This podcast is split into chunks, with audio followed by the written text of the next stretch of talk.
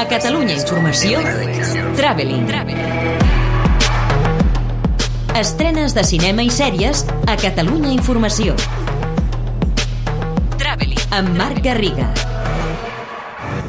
Kingsman, world's finest tailor. But now we're going into the spy business.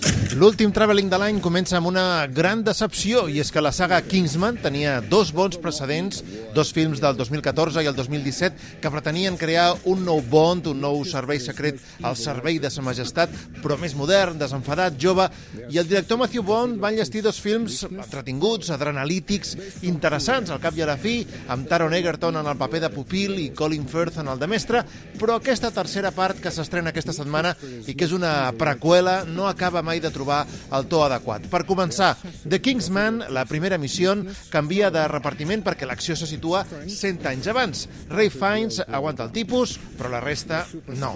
I el guió és ple de situacions rocambolesques, de trames que no van al lloc i de situacions ridícules. No és un desastre absolut, no? Però se li veuen les costures i ja que es reuneixen en una mateixa pel·lícula Rasputin, Matahari, Gavrilo Príncip o Eric Hanussen, alguns dels pitjors malvats de principis del segle XX, conspirant per dominar el món, doncs el guió hauria d'estar a l'alçada i no ho està. There is a weight a man can accrue. La joia de la setmana és, sens dubte, el retorn de Paul Schrader a la direcció. La seva El contador de cartes, millor guió a la Seminci de Valladolid i una de les millors pel·lícules de l'any, segons la National Board of Review nord-americana, demostra que El reverendo, el seu film de fa 4 anys, no era una casualitat, sinó que l'habitual guionista de Martin Scorsese ha recuperat el pols dels seus inicis. Aquí trobem Oscar Isaac interpretant un veterà de guerra que en els seus anys a la presó va aprendre a comptar cartes, d'aquí el títol, cosa que li ha servit per viure del pòquer des que va quedar en llibertat. Però el seu personatge arrossega molts fantasmes i juntament o gràcies a altres personatges que s'anirà trobant pel camí, s'encaminarà cap a un exercici d'exorcisme de final incert. Un film claustrofòbic, però revelador, enlluernador, però obscur, hipnòtic i al cap i a la fi alliberador. Completen la cartellera l'emotiu documental 100 días con la tata de Miguel Ángel Muñoz i una nova comèdia francesa, Vuelta a casa de mi hija, que és la continuació de Vuelta a casa de mi madre. Think of that powerful memory. Make it the happiest you can remember. Pel que fa a les plataformes, el protagonisme dels pròxims dies se l'endú Harry Potter i aquest exercici de nostàlgia que la plataforma HBO Max fa l'1 de gener, justificat pels 20 anys de l'estrena del primer film de la saga.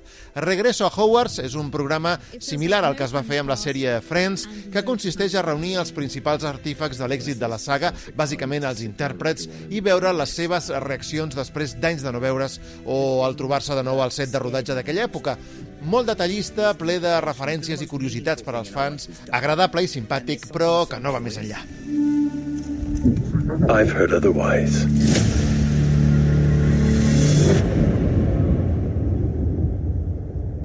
I know that you sit on the throne of your former employer. Una altra saga, en canvi, sí que té novetats i importants. De l'univers de Star Wars arriba El libro de Boba Fett, la nova sèrie de Disney Plus, un spin-off de The Mandalorian amb un dels personatges més emblemàtics de la trilogia de pel·lícules originals. Boba Fett era un caçarrecompenses que va morir, suposadament, en l'operació de rescat de Han Solo per part dels seus amics, encapçalats per Luke Skywalker al retorn del Jedi, però miraculosament va reaparèixer a la sèrie del Mandalorià i encara és hora que expliquin com va ser possible. Aquí pren el relleu de Jabba el Hutt, el mafiós més despietat d'aquesta part de la galàxia, de manera que l'acció torna als orígens, al planeta de joventut de Skywalker, Tatooine, i això és mel per als fans. Veurem si manté el nivell de qualitat de la seva predecessora. Breaking news right now out of Thailand. Rescue teams are working through the night to save 12 boys and their coach trapped inside. També en plataformes, també a Disney Plus, s'estrena un dels millors documentals de l'any, Rescate en les profundidades, sobre el dramàtic rescat de 12 nois tailandesos i el seu entrenador atrapats en una cova inundada. Mentre Movistar Plus té en exclusiva tres títols oblidables, el thriller El silencio de los espías, el biopic sobre els inicis de David Bowie, Stardust, i la intriga de John i el Hoyo, tots tres als primers dies del 2022.